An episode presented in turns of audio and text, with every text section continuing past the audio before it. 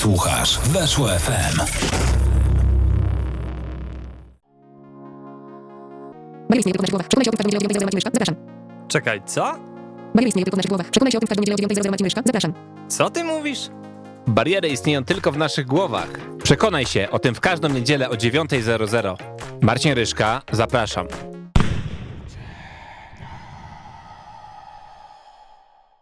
Dzień dobry, przed mikrofonem kłania się Marcin Ryszka. Przed nami kolejny odcinek audycji w ciemno, gdzie będziemy sobie rozmawiać głównie teraz o tych sportach paraolimpijskich, bo przecież e, Igrzyska Paralimpijskie za pasem wiadomo, że trwają Igrzyska osób e, pełnosprawnych, ale o paralimpijczykach też się mówi coraz głośniej, a z nami jeden na pewno z kandydatów do medalu w Tokio, Wojciech Makowski. Cześć Wojtku, dzień dobry.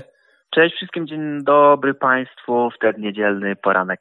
Powiedz właśnie, ty nie boisz się głośno mówić o tym, że jedziesz do Tokio do, po medal, że jesteś gdzieś tam w jednym z faworytów do, do medalu, czy ty jesteś raczej taką osobą, która e, unika takich słów i to, co masz zrobić, pokażesz dopiero w basenie? Zdecydowanie ja unikam takich deklaracji, dlatego że ja lubię czuć swobodę, nie chcę na siebie sam nakładać żadnej presji i dla mnie zawsze głównym celem, szczególnie przy tak ogromnej i tak fascynującej imprezie, jak są, jakimi są Igrzyska Paraolimpijskie, jest to, żeby się nimi maksymalnie cieszyć, bo po prostu już mam to sprawdzone, y, wypróbowane w boju, że im bardziej się tym cieszę, im bardziej czuję się swobodnie, im bardziej jestem przede wszystkim skupiony i skoncentrowany, tym lepiej, więc ja raczej jestem z daleka od składania takich deklaracji. Myślę, że każdy tam jedzie ze swoimi celami, pewnie z większymi, raczej. Każdy sobie ustawia na pewno poprzeczkę wyżej niż niżej, więc każdy jedzie w podobnym celu i nie ma sensu o tym gadać. I nie ma sensu mówić o wynikach, których jeszcze się nie wykręciło. O tym porozmawiamy po igrzyskach, natomiast teraz 100% skupienia na przygotowaniach. To już jest ostatni moment i naprawdę to, to wymaga dużo sił mentalnych i fizycznych, żeby jeszcze ten miesiąc wytrzymać. Mhm.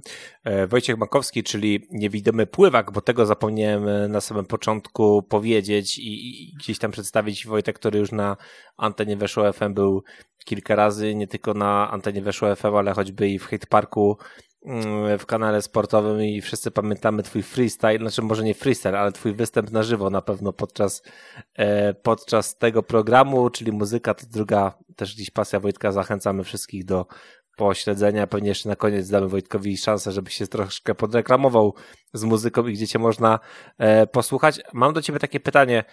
E, minęło 5 lat, miało minąć 4 lata, minęło 5. Powiedz, jak ty e, wykorzystałeś ten dodatkowy rok i czy to, dla ciebie dobrze, że e, ta że ta olimpiada tak naprawdę trwała 5 lat, a nie 4.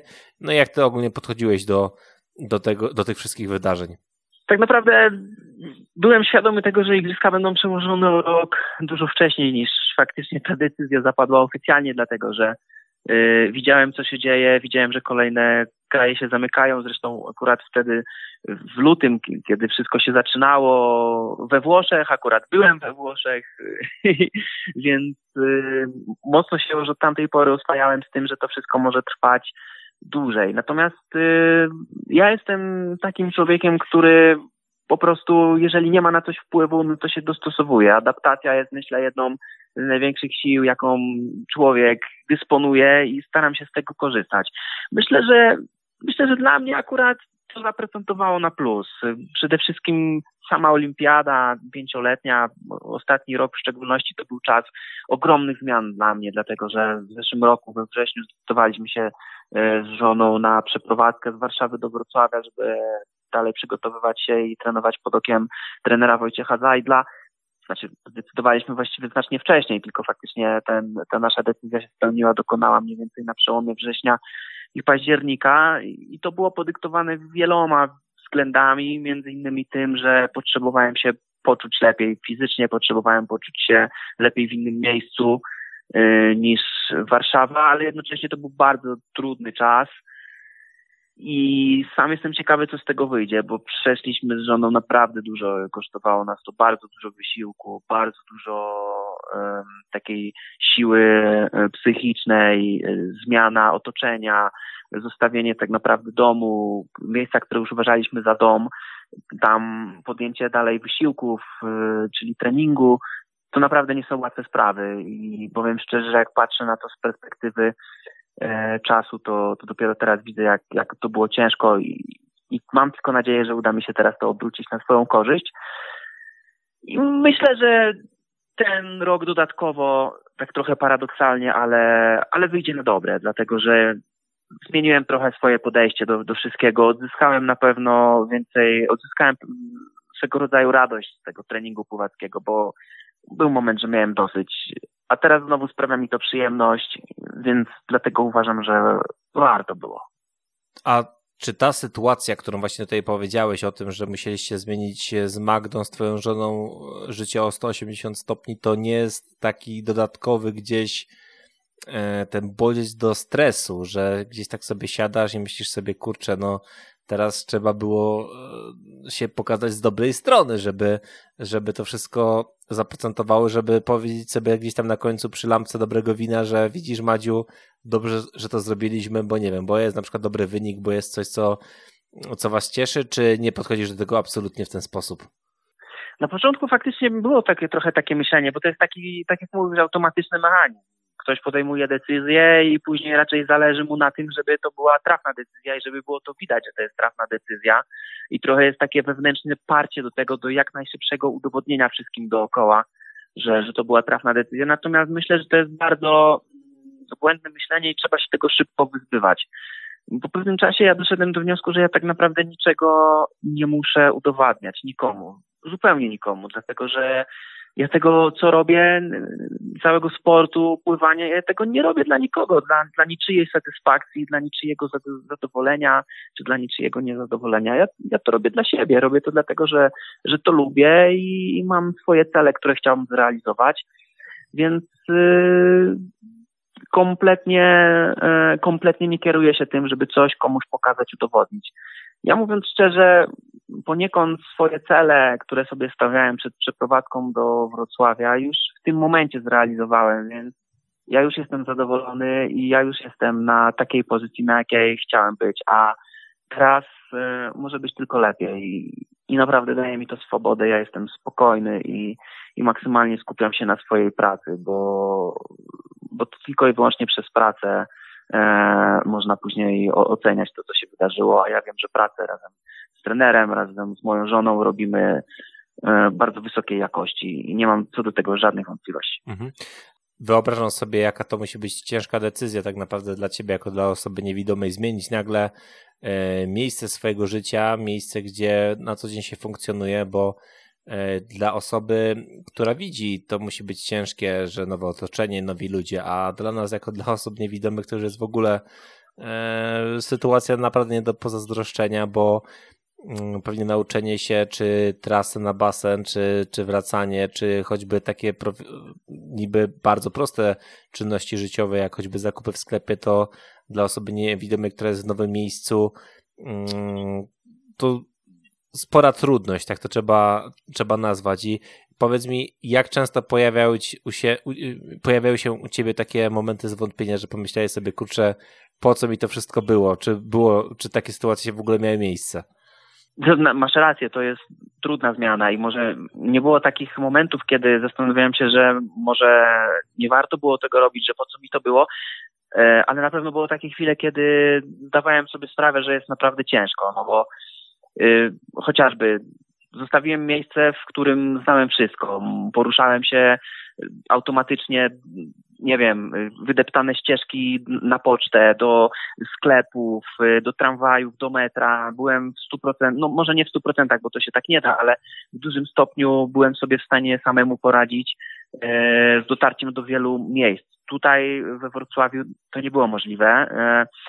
Sama nauka e, nowego miejsca była też utrudniona, dlatego że myśmy się przeprowadzili. Za moment rozszalała się druga fala pandemii, wszystko zostało pozamykane więc byłem w obcym miejscu, e, w kompletnie e, nie sprzyjających warunkach do tego, żeby poznawać nowe miejsca, bo wszystko było pozamykane, przemieszczaliśmy się tylko między mieszkaniem a basenem i to wszystko, więc to było cholernie ciężkie, cholernie szare przy okazji, bo to była jesień, niezaładna i momentami ta aura tego wszystkiego była naprawdę ciężka i było mi autentycznie przykro, dlatego że że po prostu jest, było to dodatkowe, do, dodatkowe obciążenie oprócz tego treningowego, e, które też wiązało się ze zmianą sposobu trenowania, z pracą nad techniką. No tak naprawdę stanęliśmy na jakimś tam placu budowy z dziurą w ziemi, trzeba było stawiać wszystko od nowa, włącznie całym życiem tak naprawdę. Z, ja się nawet śmiałem, że mm, na początku nie miałem y, pizzerii, do której wiedziałem, że jak zawsze zadzwonię, to mi dobrą pizzę przywiozą i to były takie rzeczy, których bardzo brakowało, bo, bo z takich prostych rzeczy składa się przecież całe codzienne życie. Natomiast teraz już jest troszkę inaczej, udało się poznać pewne miejsca, trochę zadomowić, y, trochę poczucia y, mm, miejsca wyrobić. Natomiast wiadomo, że w rok czasu, szczególnie jeżeli to jest taki dziwny rok, kiedy wszystko ciągle się zamyka, otwiera, zamyka, otwiera, to nie da się z tym miejscem obyć, yy, stworzyć sobie jakichś kręgów znajomych. Zostawiliśmy tak naprawdę wszystkich przyjaciół w Warszawie.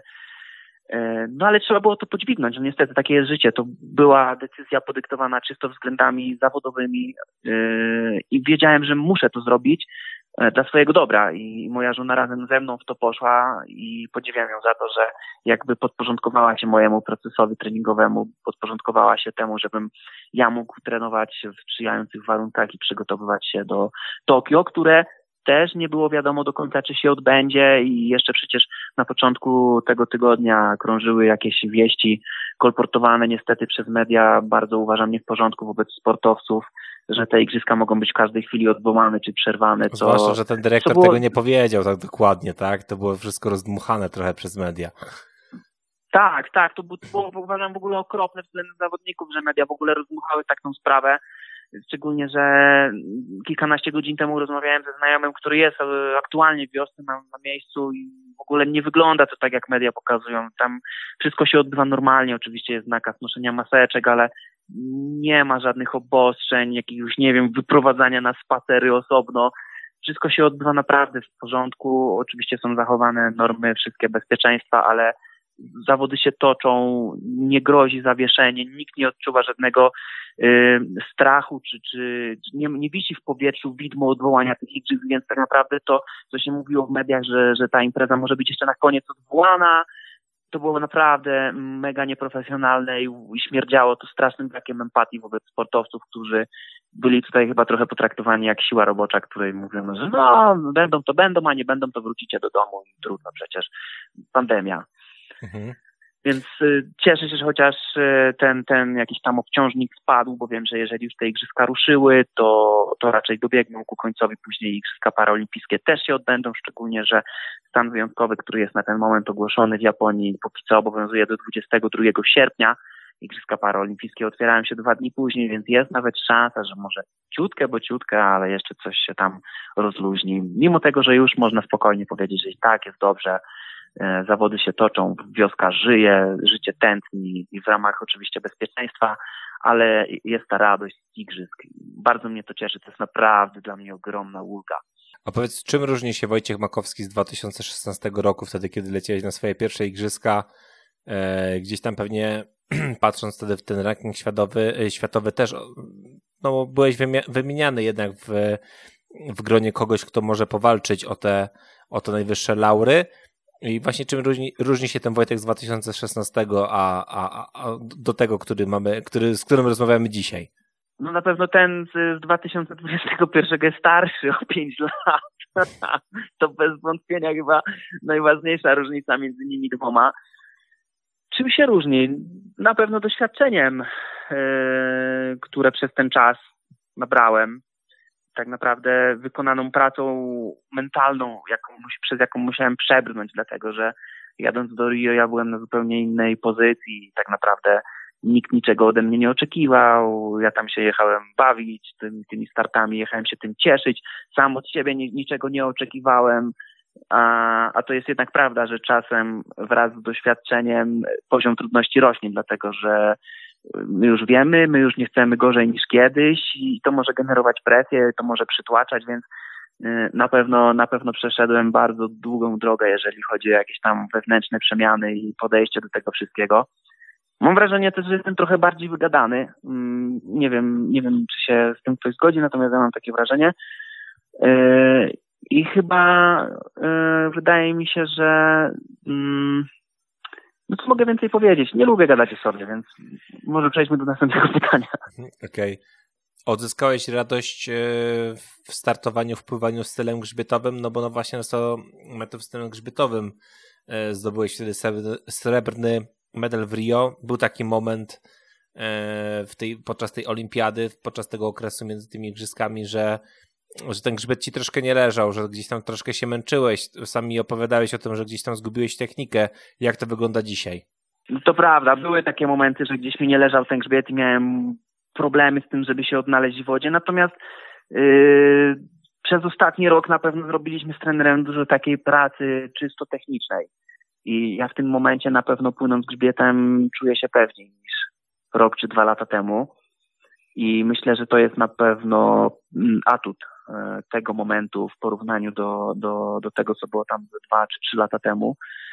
E, jesteśmy obecnie na zgrupowaniu wysokogórskim w ogóle w Hiszpanii, w Sierra Nevada, więc ja też mam duże nadzieje co do, co do tego treningu tutaj, dlatego że w warunkach hipoksji, czyli obniżonej ilości tlenu w powietrzu, to ten trening też e, swoje efekty przynosi. Zresztą nie jestem tutaj po raz pierwszy przed igrzyskami w Rio. Ten E, ten pobyt tutaj dał dużo. Ja mam szczerą nadzieję, że również teraz też e, te efekty będą dobre i, i to się też przełoży oczywiście na grzbiet, e, który właściwie chyba lubię bardziej niż, niż jeszcze te kilkanaście miesięcy temu, zwyczajnie dlatego, że czuję się nim trochę pewniej, no i głównie przez pracę techniczną. To jest, to jest jednak bardzo ważne, że E, biegiem lat oczywiście ten trening się zmienia, można pływać więcej, można pływać mocniej, ale nie wolno zaniedbywać aspektów technicznych, dlatego że nawet najlepsi zawodnicy mogą to zgubić.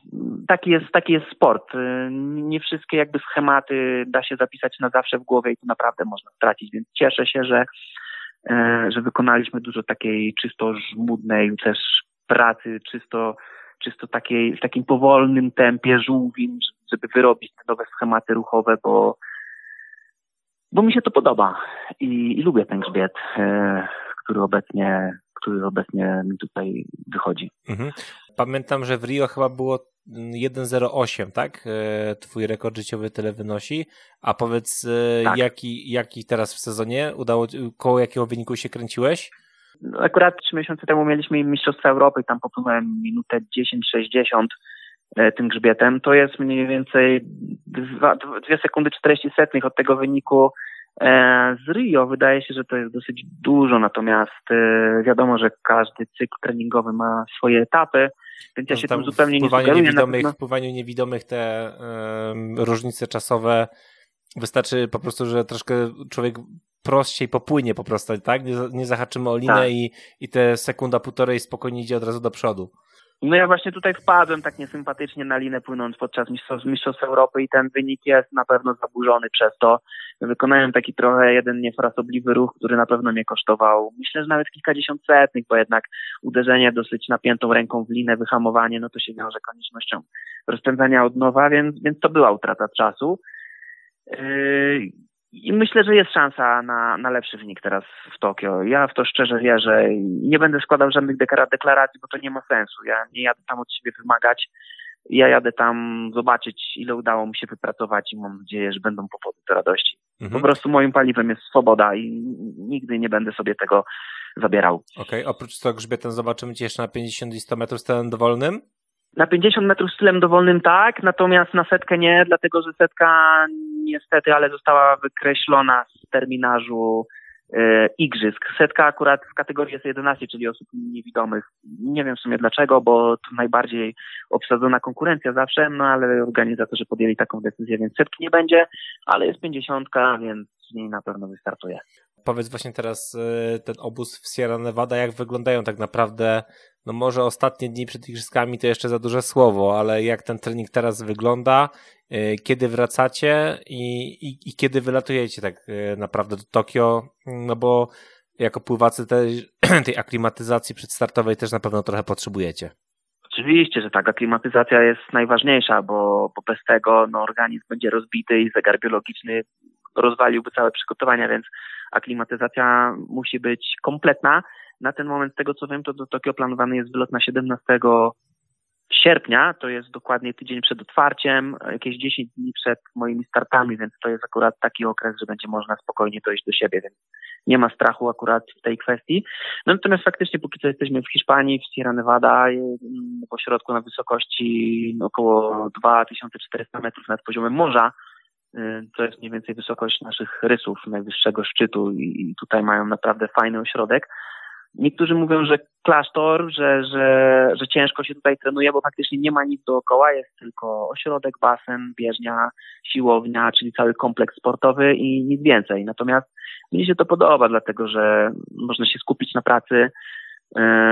Z basenu do pokoju można przejść w 30 sekund, co daje też duży komfort dookoła panuje ogromny spokój i cisza, więc oprócz zmęczenia takiego czysto fizycznego, to, to ja odpoczywam po, po tym całym zamieszaniu. Wiele się działo naprawdę przez ten rok. Myślę, że jeszcze będzie okazja o tym opowiadać. Więc e, de facto to, to, to gdzieś tak psychicznie sobie tutaj odpoczywam fajnie. A trening sam sobie oczywiście jest męczący, dlatego że na tej wysokości, jak wspomniałem, jest dużo mniej tlenu niż standardowo, więc e, mięśnie nie mają paliwa, tyle co na, na niższych wysokościach i zwyczajnie człowieka pod duszę jak pływa, można, można to tak określić śmiało i te treningi tutaj znacznie bardziej bolą. Jesteśmy w tym momencie po pierwszym tygodniu, to był tydzień typowo aklimatyzacyjny, gdzie zaczynaliśmy tak naprawdę od 1900 metrów na pierwszym treningu. Akurat chyba najdłuższy trening w tym tygodniu to było 4800, ale w większości to tak kręciliśmy się około 3,5 kilometra i proszę mi wierzyć, że dawno już nie czułem takiej nieprzyjemności z samego wykonywania treningu, bo e, nie z samej konstrukcji. Mnie się dobrze pływa, ja mam z tego frajdę, natomiast samo wykonywanie tego jest naprawdę męczące, bo, bo nie ma tlenu i tętno szybciej wyrzuca do góry. Czuć, że, że mimowolnie ręce zaczynają się zwyczajnie wolniej kręcić w pewnej chwili, na to nie da się nic poradzić ale to jest właśnie metoda, która ma zmusić organizm do, do nadprodukcji czerwonych krwinek, co, co ma później e, za, zakończyć się tym, że... Na tych ostatnich 15 że, metrach na to grzbietem, tam właśnie te czerwone tak, krwinki mają spełnić swoje zadanie. Moment.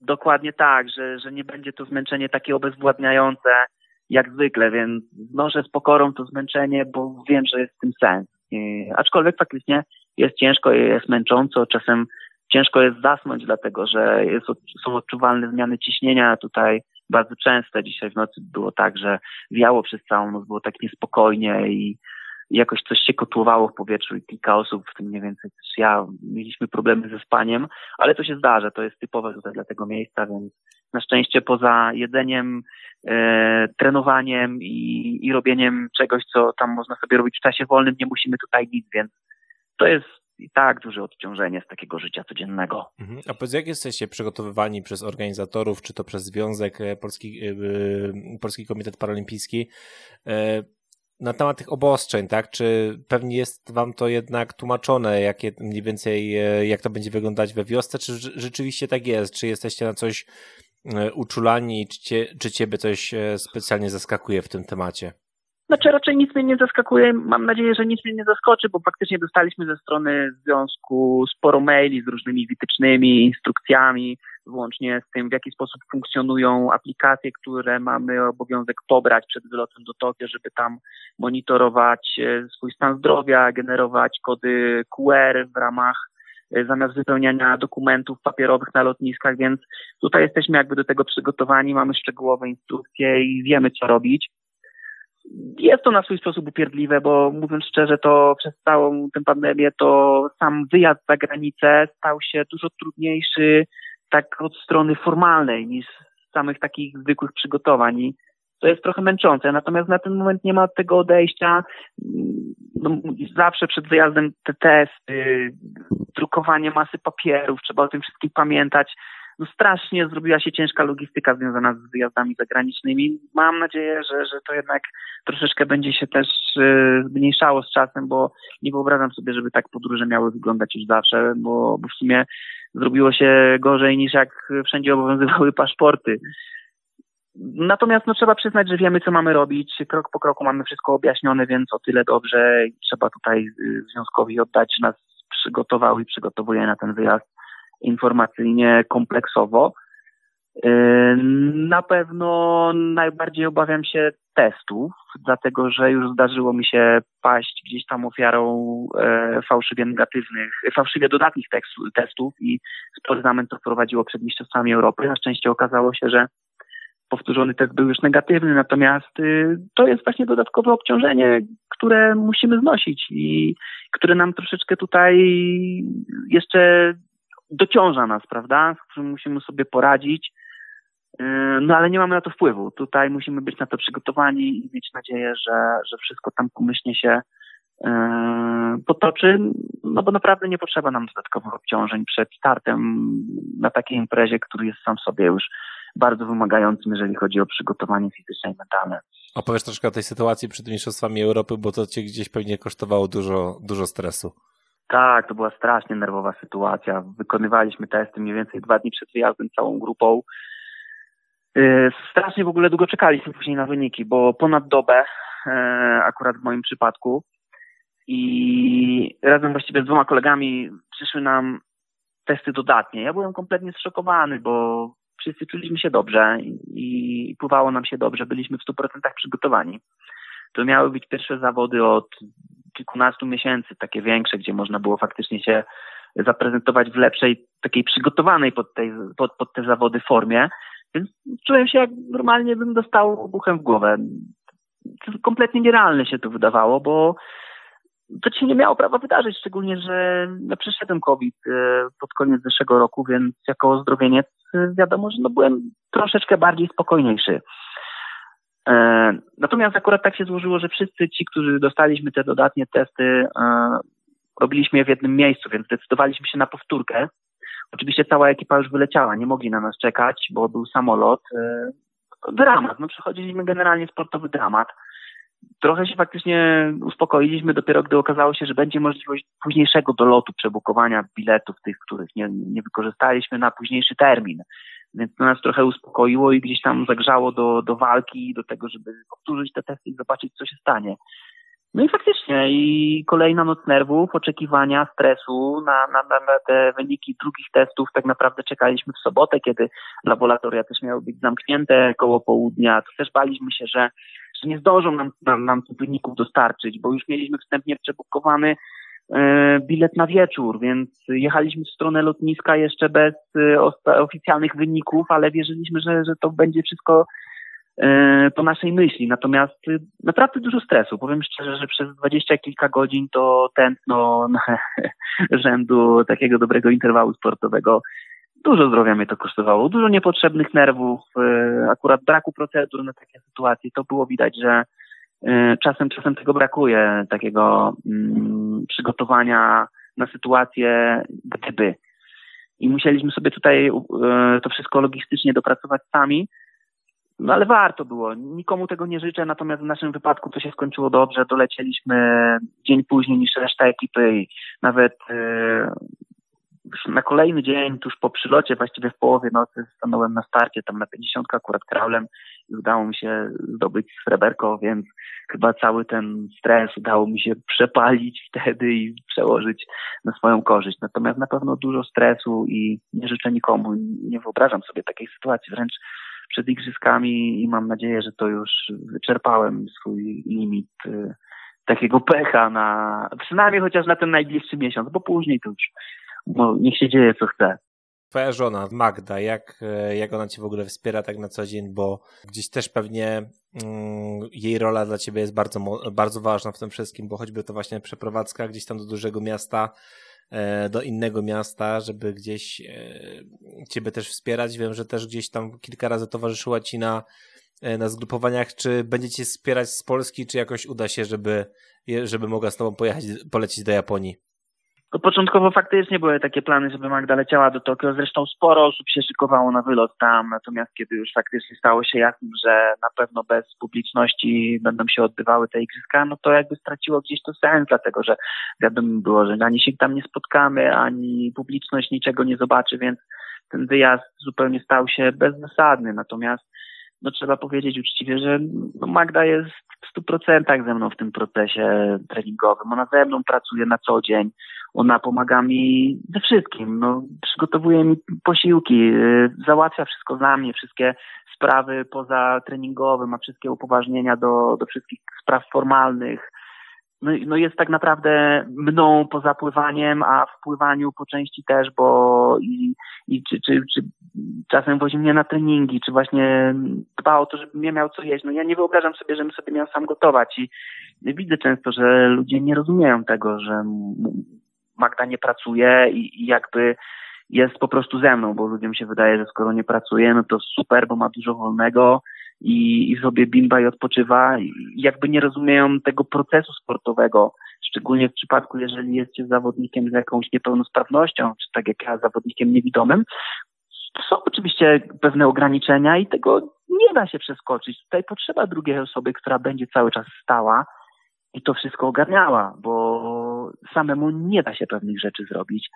I ja jestem przedumny z niej, bo jest dzielną, nieocenioną kobietą, Zresztą bez jej wpływu i bez jej wsparcia dzisiaj mógłbym w ogóle nie pływać, więc niezaprzeczalnie ona jest e, jednym z istotniejszych, e, jednym z, jedną z istotniejszych osób całego mojego tutaj trybu sportowego. I mam nadzieję, że kiedyś to też zostanie docenione i dostrzeżone, bo wykonuje ogromną robotę, której nie widać. To tak na koniec jeszcze powiedz, czy patrzysz troszkę w przyszłość, co dalej po Tokio, czy w ogóle się na ten temat zastanawiasz, czy na razie koncentrujesz się tylko na igrzyskach?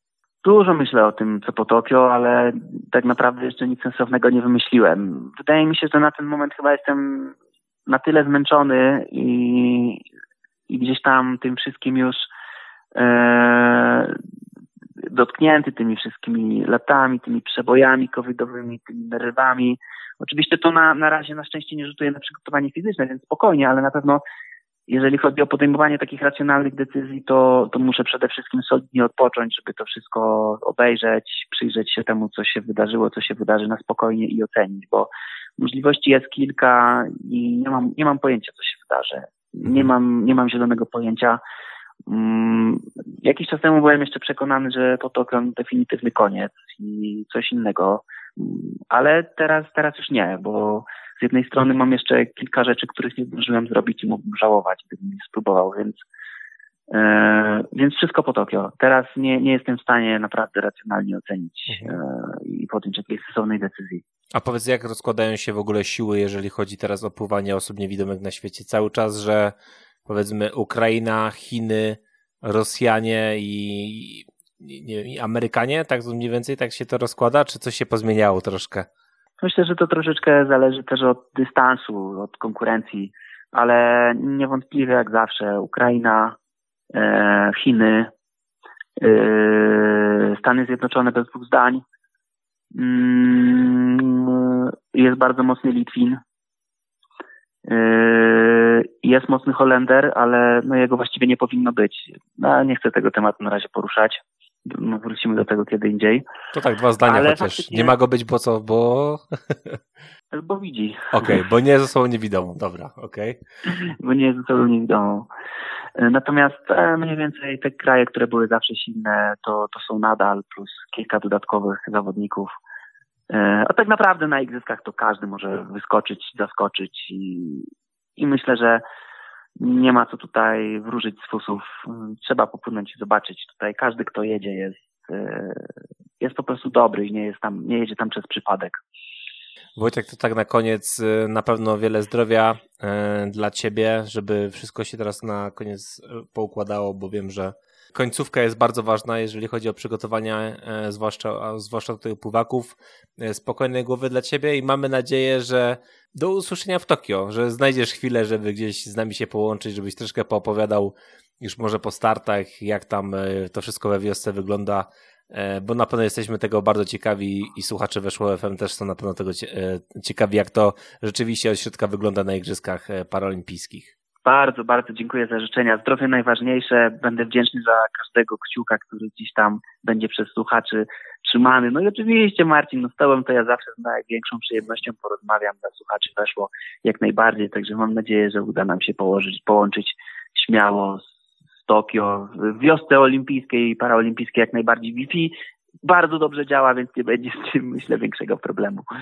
Super, dobrze, w takim razie kończymy nasz e, kolejny odcinek Audycji w Ciemno. Ze mną był Wojtek Makowski, dziękuję Ci bardzo. Bardzo dziękuję, życzę wszystkim dobrej, udanej niedzieli. Ja nazywam się Marcin Ryszka, dziękuję Wam bardzo za dzisiaj i zapraszam na kolejne odcinki Audycji w Ciemno. Barier istnieje tylko w naszych głowach. Przekonaj się o tym w każdą niedzielę o 9.00 Marcin Myszka. Zapraszam. Czekaj, co? Barier istnieje tylko w naszych głowach. Przekonaj się o tym w każdą niedzielę o 9.00 Marcin Myszka. Zapraszam. Co ty mówisz? Bariery istnieją tylko w naszych głowach. Przekonaj się o tym w każdą niedzielę o 9.00. Marcin Ryszka, zapraszam.